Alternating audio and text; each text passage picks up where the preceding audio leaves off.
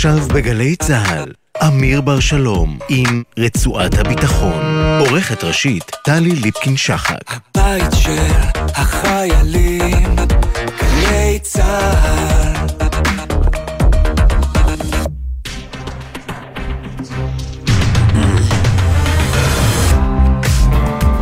שלום לכם.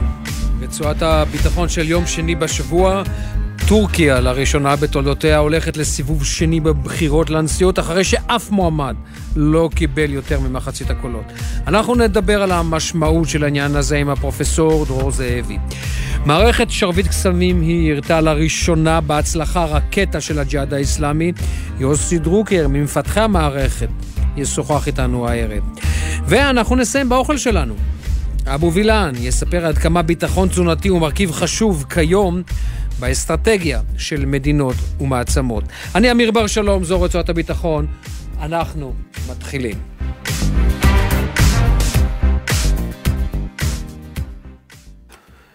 שלום לפרופסור דרור זאבי, חוקר אה, טורקיה מהפורום לחשיבה האזורית. ערב טוב. אז זה היה הרבה יותר צמוד ממה שחשבו, נכון? תלוי מי, אבל כן, החברים שלי בטורקיה, רובם היו קיוו וציפו שזה יסתיים בניצחון של האופוזיציה, וזה כמובן לא קרה. אבל אתה יודע... אה, בעצם ניצח. אני לא יודע אם הוא ניצח, אבל אה, אתה חושב שהוא ניצח? עצם זה שלמרות שהוא לא הגיע ל-50%, אבל הוא היה ממש קרוב, 49.25. כן, בסיבוב הראשון הוא השיג את התוצאה הטובה ביותר, היא הרבה יותר טובה מהיריב שלו כמאל קליץ' דאורלו, זה, זה כבר מעציב את, ה, את האנשים שתומכים באופוזיציה. אתה לא חושב שלצורך העניין כל מי שלא הצביע ארדואן, אנחנו מדברים על אותם חמישה אחוזים שהצביעו כן. לאוגן, הם לא ילכו עם כן. מועמד האופוזיציה? אנחנו שנינו לא אומרים את השם, כי יש דרולו, זה קצת מורכב. אה, השם קצת מסובך. תראה, השאלה הגדולה באמת, מה יעשו, ראשית, מה יעשו אותם חמישה אחוז שהצביעו לאורן? כנראה רובם הגדול יצביעו, יצביע לאופוזיציה. מה שהוא אומר זה שהוא אה, מצפה לקבל הצעה לתפקיד בכיר ב... מהנשיא הבא. מישהו, מישהו ימליץ עליו, הוא מקווה לקבל תפקיד. אה, הפוליטיקה שלו היא מצד אחד מאוד לאומנית, מצד שני מאוד חילונית. ולכן אה, סביר להניח שילכו דווקא עם, ה, עם, עם האופוזיציה ולא עם אה, ארדואן, אבל קשה לדעת כרגע. זה קשה. משנה למי הוא יקרא? מה זאת אומרת? מה, מה הוא יגיד לבוחרים שלו? בדיוק. כן, אני מניח שה... שיש לזה השפעה מסוימת לא מאוד גדולה על החמישה אחוזים האלה, והם יצטרכו להחליט את מי הם בוחרים. אתה ממש רואה מצב, פרופסור זאבי, ששני המועמדים, ארדואן וקיליש דרולו, משחררים לפתחו של אה, אורן ומבקשים ממנו את תמיכתם? תראה, זה, זה מה שמדברים עליו כרגע בטורקיה, מי יציע לו מה, ו... ואם הוא ילך. אני מסכים איתך שהעובדה שהוא יגיד לבוחריו תצביעו לארדואן לא אומרת שהם יצביעו לו, אבל uh, אתה יודע, במצב כל כך רגיש, כשהניצחון יהיה בשברי אחוזים, אז יכול להיות ששני הצדדים ישקלו להציע לו. ושאלה מעניינת, מה הוא יחליט? הוא כנראה נוטה יותר לכיוון דווקא של האופוזיציה, אבל אני קשה באמת לדעת. הוא גם, אגב מאוד קרוב, נכון, לאזרים, הוא גם לנשיא האזרי, יכול להיות שארדואן יבקש ממנו להפעיל לחץ על אותו אורנג' כדי שיכריז על תמיכתו? אני לא חושב שזה עד כדי כך משפיע, העניין הזה של הלחץ האזרי. זה נכון שחלק מהלאומיות הטורקית זה לאומיות, מה שנקרא פן-טורקית או פן-טורנית, שמחברת את הטורקים לאזרים, לאוזבקים ולעמים אחרים שהם ממוצא טורקי. אבל אני לא חושב שיהיה פה השפעה גדולה לאיזשהו לחץ של הנשיא האזרי על, אה, על אה, אורן, אני לא חושב. בוא נדבר רגע על המשמעות הרחבה יותר. כמעט 50 אחוז, למעשה יותר מ-50 אחוז מתושבי טורקיה אמרו, אנחנו לא תומכים בארדואן. כן, נכון. נכון, זה, מצד אחד, זה, אפשר לומר שזה בפני עצמו ניצחון. אתה יודע, העובדה שארדואן, שבפעם שעברה ניצח ב... מה שקוראים באנגלית לנדסלייד, כן, בניצחון סוחף, אה, עכשיו מקושש קולות ואפילו לא מצליח להגיע למחצית מהנבחרים. מצד שני, הוא עשה, הוא עשה מהלך אה, לדעתי מבריק מבחינה פוליטית, זאת אומרת, אה, אחרי הכלכלה, האינפלציה האדירה, ההתמוססות של, של מערכים שלמים במדינה בתקופת רעידת האדמה, ומדיניות החוץ הכושלת שלו, אה, כשאנשים היו בטוחים שאין לו מה להוציא יותר מהכובע, הוא שלף שוב את העניין הזהותי והדתי והצליח לסובב את המצב. יכול להיות שגם קצת בעזרת, אה, לא הייתי אומר הונאה, אבל יש למשל טענות שבהרבה מקומות שהיו צפויים להצביע נגדו, שמו, לא שמו קלפיות, זאת אומרת, שמו מעט קלפיות והיה קשה לאנשים להצביע, אני לא יודע כמה זה, כמה זה מדויק. אז אה, מצד אחד אתה אומר, אה, באמת, הוא הפסיד הרבה מאוד יחסית לאהדה שהייתה, לא מצד שני, הוא הצליח לסובב אה, מערכת בחירות שהייתה בתחילה מאוד מאוד באופן מובהק נגדו. אתה רואה איך הוא ייראה, ינהל לצורך העניין עכשיו את הקמפיין בשבועיים האלה? אנחנו ראינו אותה ממש בשבוע האחרון, הצהרה נחרצת מאוד, הייתי אומר בוטה, כנגד הברית, שטען שהיא מתערבת בבחירות בטורקיה. איך, איך אתה חושב שזה ייראה עכשיו בשבועיים הקרובים? הוא יוריד כפפות, או שהוא הפעם יירגע אחרי שהוא קיבל את ה-49 פלוס? קשה להעריך, אבל ההערכה שלי היא שהוא ינסה כל טריק אפשרי כדי uh, להשיג את הכמה אחוזים שנדרשים לו כדי uh, לנצח, כולל, יכול מאוד להיות תרגילים מלוכלכים. Uh, הבחירות, אתה יודע, אנחנו כל הזמן אומרים את זה, הבחירות בסופו של דבר הן חופשיות. זאת אומרת, אנשים מחליטים ומצביעים מה שהם רוצים, אבל uh, הוא יודע יפה מאוד לפנות לקהל שלו. הוא יודע יפה מאוד לעשות את ההצגות שצריך לעשות, ואני מעריך שהוא יעשה אותן בצורה אולי אפילו יותר בוטה מאשר עשה עד עכשיו. אתה, קראתי את המאמר שלך בארץ בשבוע שעבר. אתה באמת חושב שהוא היה מוכן, אם וכאשר היה מפסיד את הבחירות, הוא היה מעביר את השלטון באופן חלק? אני יודע שזו שאלה קשה. מה? אני לא, יודע שזו שאלה קשה. זה מאוד תלוי ב, ב, באחוזי ההפרש בין ה... ואם אם מועמד האופוזיציה היה מנצח או ינצח בסיבוב השני בהפרש משמעותי, יהיה לו קשה מאוד להודות, אה, לטעון שלא היה פה, שהיה פה איזשהו שיבוש. אבל אם זה שוב ייגמר על בשברירי אחוז, יכול מאוד להיות שהוא יטען הספירה לא הייתה נכונה, קלפיות זה, לא, יביאו הוכחות לזיופים וימנע את העברת השלטון, אולי יכריז על בחירות נוספות או משהו כזה, אני לא יודע. טוב, יש לנו שבועיים, נכון? זאת אומרת, זה שבועיים פחות יום, זה 13 כן. יום מהיום. כן, 28 כן, במאי. פרופסור דרור זאבי, חוקר טורקיה מהפורום לחשיבה אזורית, תודה רבה לך. תודה רבה. ערב טוב.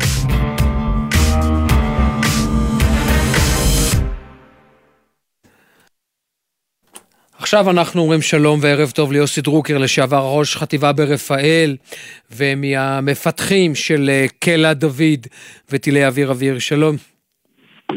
כן, שלום וברכה, וכיפת ברזל. וכיפת ברזל כמובן. אז אה, לפני שנצלול לכל הפרטים, עד כמה זה היה חשוב למערכת יירוט ולא במסגרת ניסוי של קלע דוד? יש פה שני דברים. אחד, יש פה החלטה מקצועית של חיל האוויר, שאני מאוד סומך עליהם שהם מקבלים החלטות נכונות. מעבר לזה, ברור לגמרי שיש הבדל בין ניסוי שבה, שבו הכל מבוקר וזמן ומתכננים וכך הלאה, לבין ירי מקצועי. וטוב עשו שהפעילו את המערכת בירי מקצועי אה, פעמיים, והוכיחו פעמיים את היעילות של המערכת כנגד איומים. אה, בסך הכל המערכת הזאת אמורה לשמש את מדינת ישראל כנגד איומים הרבה יותר משמעותי מהאיומים שהיו פה, הרבה יותר באופן משמעותי, ונכון היה לעשות שבדקים שהמערכת עובדת כמו שצריך, מתפקד כמו שצריך, מפעילים אותה כמו שצריך, והתוצאות ידועות, שני אלפות.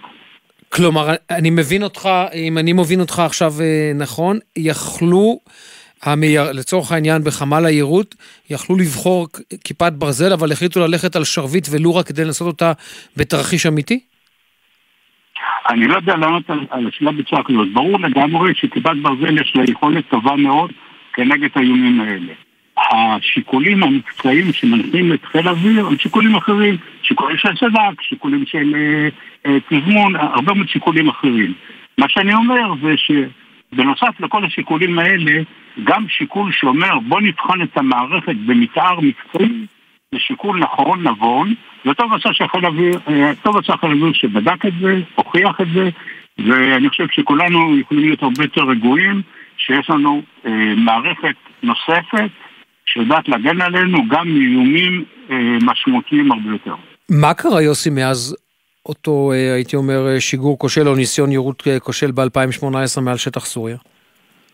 כן, אני, אני רק לא חושב שיש שם אה, שיגור כושל, אני חושב שהמערכת עבדה כמו שצריך. אני מבקש לא להיכנס לפרטים הטכניים בדיוק, אבל סך הכל המערכת עבדה כמו שצריך. אה, היה שם ניסיון אולי אה, גבולי לנסות לשגר את המערכת הזו, וזהו, סך הכל אה, גם ממערכת, גם מניסוי כזה, גם מהפעלה מקצועית כזאת, לומדים הרבה מאוד דברים, אבל זה לא מעיד בכלל על איזושהי יכולת אה, לא, לא מספיק טובה של מערכת שדרשה שיפור. מצד שני אני אומר שגם כיפת ברזל וגם אה, קרן דוד אלה שתי מערכות שבכל אורך התקופה מאז שסיימנו את הפיתוח שלה ממשיכים לשדרג אותה, ממשיכים להוסיף לה יכולות אה, לא מזמן ראינו את אה, כיפת ברזל איך שהיא מצליחה להפיל מל"טים, יכול להיות שהייתה הרבה זמן אבל הוכחה לא מזמן. אה, וכנ"ל גם כאלה דוד, אז אני חושב שהמערכות משתפרות, לומדים מהניסיון של כל מיני, לא תקלות אבל נגיד יכולות פחות טובות ומדגימים את זה בסופו של דבר כשצריך, כאשר מעזה או, או חלילה מלבנון או מכל מקום אחר אה, נצטרך אה, לעמוד עוד פעם ולהדגים את היכולות של המערכת. אני רוצה אבל להחזיר אותך ליירוטים האחרונים, לשני יירוטים האחרונים. הרי בסופו של דבר המערכת הזאת פעלה בסבב הזה, היא פעלה מול טילים שנקרא להם במרכאות, הם קטלניים, אבל הם טילים טיפשים, נכון? זאת אומרת, בסופו של דבר זה מטרה שהיא מטרה טיפשה. זה יותר קל למערכת להתמודד איתה או יותר קשה? כי לצורך העניין המעוף לא יציב, אתה, הרקטה הזאת לא מתנהגת כמו רקטה בייצור תקני. אני מדבר על הרקטה, על הרקטה שאתה רוצה ליירט, על המטרה. סך הכל הרקטות האלה די דומות לרקטות שנורו עלינו ב-91, הסקאדים שנורו עלינו ב-91, זה אותם, אה, אותם במוחות טיפשים לטווחים שונים, והמערכת יודעת היטב להתמודד מולם. אה, טילים הרבה יותר חכמים, שגם ממולם המערכת יודעת אה, להתגונן, אלה טילים שיודעים לשנות את המסלול שלהם תוך כדי המעוף כדי לפגוע בנקודה נבחרת. שטיל, מה שקראת לו טיל טיפש, הוא טיל שיש לו מסלול בליסטי, שזה כמו אה, כדור של רובה או, או מרגמה או משהו כזה, שעף באוויר, ואיך שהוא יוצא ככה הוא ממשיך הלאה עד שהוא מגיע לאן שהוא מגיע. אז אה, אין הבדל מבחינת המערכת, אין, אין לה קושי מיוחד באיומים, מה שאתה קורא להם טיפשים. יחד עם זאת, המערכת בנויה בצורה כזאת שגם כנגד טילים הרבה יותר מתקדמים, כמו שאמרתי, טילים שמשנים את הכיוון שלהם, ש, שאותם הטילים שבעצם מדינת ישראל במשך תקופה מאוד ארוכה מנסה למנוע, מנסה למנוע או להקטין את ההסתברות שהיכולות האלה יגיעו גם ללבנון. אז גם הטילים האלה, אם הם יגיעו בסופו של דבר, מערכת אה, קרע דוד תדע להתמודד איתם היטב, כמו גם אה, מערכת אה, כיפת ברזל. ולכן אה, לא הייתי אומר ש... אה, שטיל אה, טיפש נגיד הוא טיל יותר מסובר בגלל שהוא בלתי צפוי. הוא, הוא צפוי או לא צפוי באותו מידה כמו כל טיל אחר והמערכת אה, יודעת, אנחנו תכננו אותה בצורה כזאת, המערכת יודעת היטב להתמודד כנגד האיומים האלה. אני רוצה רגע לשאול אותך שאלה כללית, אתה כמוני קראת לפני שבועיים את הפרסום על כך שמערכת פטריוט אמריקאית שהייתה על אדמת אוקראינה הצליחה ליירט טיל היפרסוני. אז אני אשאל אותך שתי שאלות בהקשר הזה. אחד, האם זה יכול להיות? ושתיים, אם פטריוט ישן מפיל היפרסוני, מה זה אומר על היכולות שלנו? כיפת ברזל, שרביט קסמים והחץ למיניהם. אה, אז קודם כל, אה, אני לא יודע להגיד מה היה באמת באוקראינה. אף אחד לא יודע באמת להגיד מה היה באוקראינה, עד כמה זה הטילי פרסוני ועד כמה זה היה פטריוט ישן. יש להניח שהמכ"ים לא סיפקו, אני מניח, כי אני לא יודע, לא מתוך ידיעה, אני מניח שהמכ"ים לא סיפקו לאוקראינה את הטילים הכי מתקדמים שלהם משיקולים שהם אה, רצו לשמור את היכולות האלה לעצמם. אבל נגיד ש... ששם הוכחה איזושהי יכולת שאין לקלע דוד זה מאוד רחוק, קלע דוד הוא באופן משמעותי הרבה יותר טוב מטילי הפטריוט שאני מכיר, טילי הפטריוט ניתן להם הישנים ו... ולכן אה, אני לא חושב שיש פה איזשהו, איזושהי יכולת שהודגמה שמה ושיש לנו חשש שמא היא לא תעבוד פה. המערכות שלנו, קלע דוד, את החץ, שוב, אני לא מכיר היטב, אבל ברור שהחץ מראש תוכנן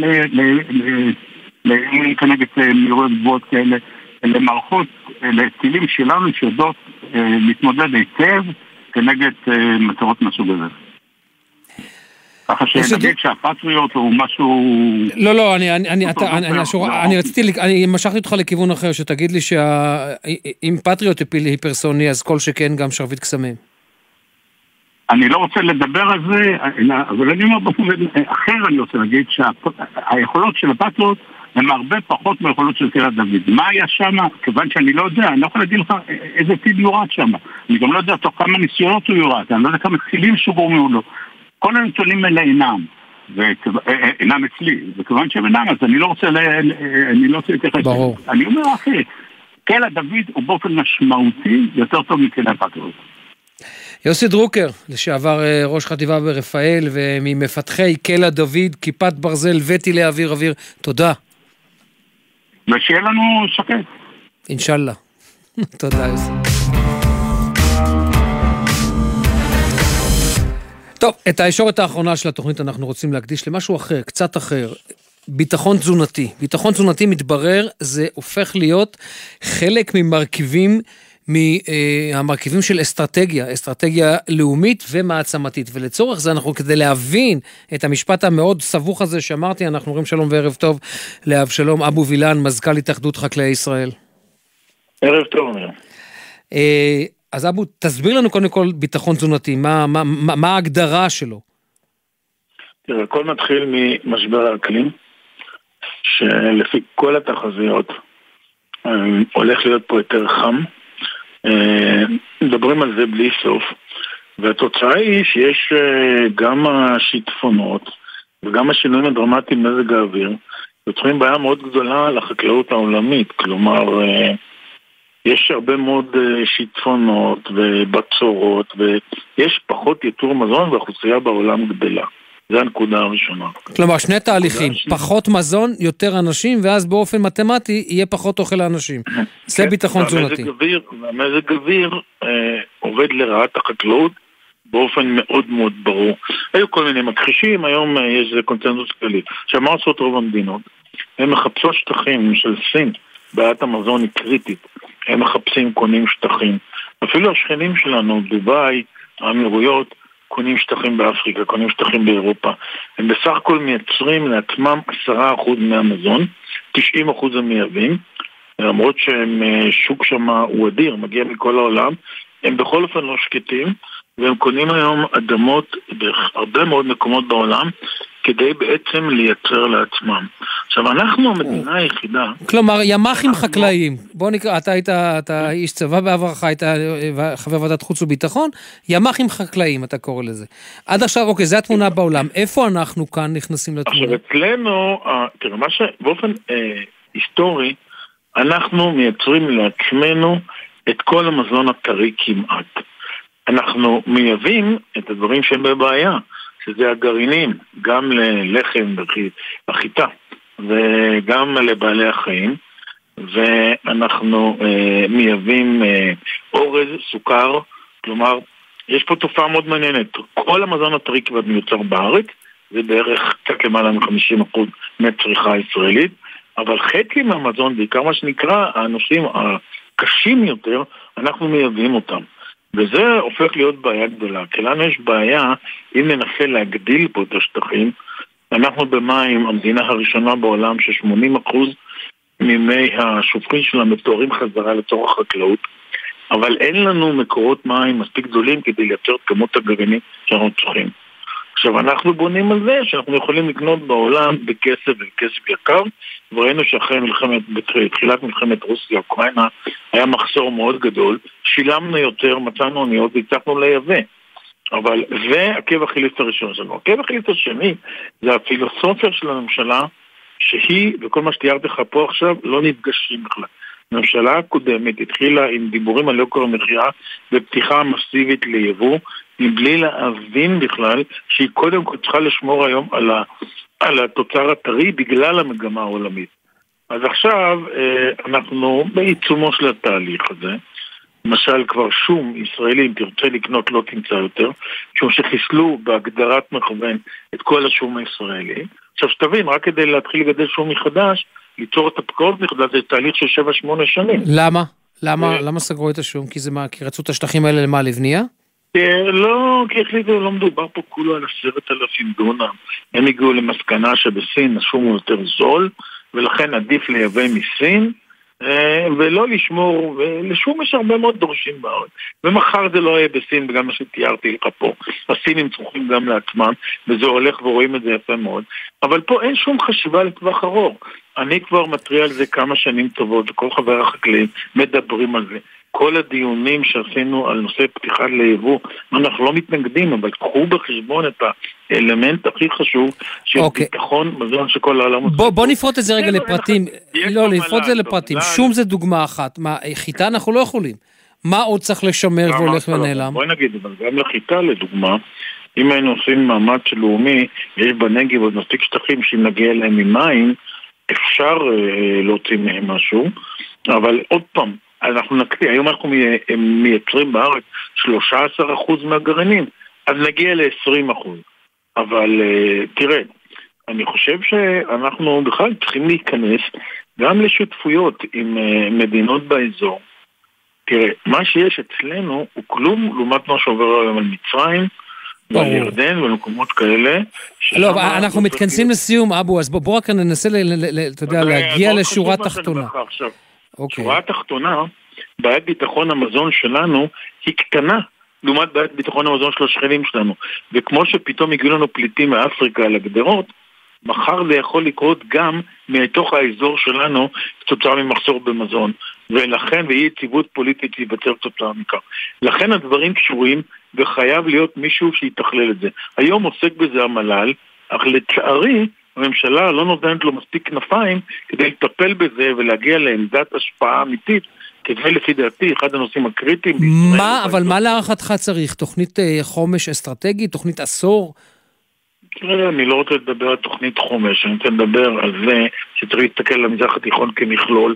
לנו יש ידע חקלאי בין הכי מתקדמים בעולם, אנחנו יודעים איך לייצר, יש לנו שיטות מים הכי מתקדמות בעולם, ואם היינו יכולים גם לעזור לשכנים בקטע הזה, וגם להביא את ההון של האמירויות ואחרים, היינו במצב הרבה יותר טוב, גם אנחנו וגם השכנים. התחלנו לטפל בזה בשנה האחרונה, לצערי הממשלה הזאת הפסיקה את המאמץ הזה, או לא שמה עליו מספיק את הדגש, הייתי אומר, אבל אם אתה שואל אותי, זה חייב להיות טיפול גם שלנו בשיתוף השכנים, כי גם אם אנחנו את שלנו אולי נפתור, ברגע שהם יהיו בלי כלום, זה מיד מתגלגל אלינו. מאוד uh, מעניין. אה, אבשלום אבו וילן, מזכ"ל uh, התאחדות uh, חקלאי ישראל. תודה רבה. פתחת לנו צוהר, אבו, אני מודה. פתחת לנו באמת uh, צוהר למשהו. תודה לכם, בתקווה שקודם כל יהיה לנו מספיק שרים, ושנדע להתמודד. זה אפשרי, תאמין לי, אני עברתי בשנה האחרונה את כל האוניברסיטאות בארץ כדי לבדוק מה יש לנו מבחינת ידע וטכנולוגיה. מדהים. אבל יש לנו. צריך לדעת להשתמש בזה. אבו, תודה. מזכ"ל התאחדות אה, חקלאי ישראל. ערב טוב. זהו, כאן אנחנו uh, מסיימים את uh, רצועת הביטחון ליום uh, שני בשבוע הזה. המפיקה הראשית שלנו היא נועה נווה, הפיק אותנו היום אליעזר ינקלוביץ' של הביצוע הטכני רועי אלמוס, ובפיקוח הטכני אילן גביש, אני אמיר בר שלום, שיהיה המשך ערב נעים ובעיקר שקט.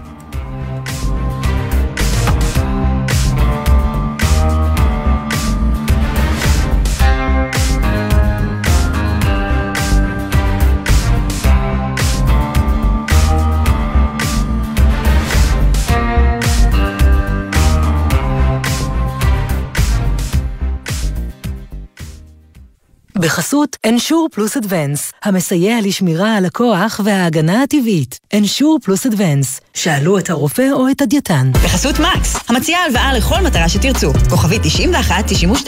אי עמידה בפירעון ההלוואה עלולה לגרור חיוב בריבית פיגורים והליכי הוצאה לפועל. כפוף לתנאי החיתום ולאישור המלווה מקס. בחסות אייס, המציעה לא לחכות למבצעי Black Friday. עד 50% הנחה על הפריטים שבמבצע. כמו שולחן מחשב נייד ב-99 שקלים. בלעדי באתר אייס. בחסות אוטודיפו, המציעה מצברים לרכב עד השעה תשע בערב בסניפי הרשת, כולל התקנה חינם. כי כדי להחליף מצבר, לא צריך להחליף לשעות עבודה יותר נוחות. אוטודיפו.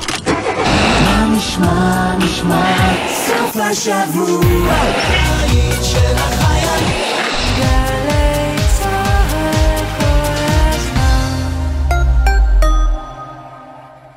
מחר זה קורה, יום פתוח בסמינר הקיבוצים, בשעה ארבע. אתם מוזמנים ללמוד על כל מה שאפשר ללמוד אצלנו בסמינר הקיבוצים. לפרטים, כוכבית 8085, סמינר הקיבוצים, מכללה מובילה לחינוך ואומנות.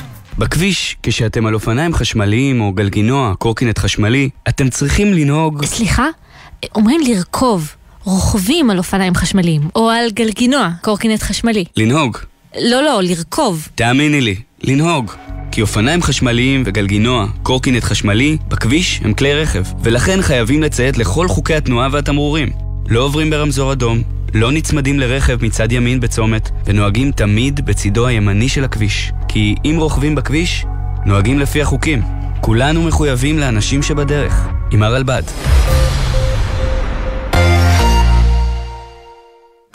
דידי! ירדן. נכון שבועות הוא חג הביקורים? חג הביקורים, נכון. אז אתה רוצה שניסע לבקר בעמק יזרעאל? רוצה מאוד. נפגוש שם את אלון אולארצ'יק? אה, אלון אולארצ'יק, בפסטיבל חלב ודבש. בהחלט. ירדן בר כוכבא הלפרין ודידי שחר באים לפסטיבל חלב ודבש ומארחים את אלונו לארצ'יק ואת ההרכב תהיה ילד המחדש את שיריו במופע חד פעמי. שבת, 11 בבוקר, פסטיבל חלב ודבש בעמק יזרעאל, קרוב בגלי צה"ל. לפרטים נוספים חפשו באתר הפסטיבל. עכשיו בגלי צה"ל, המהדורה המרכזית של חדשות 13.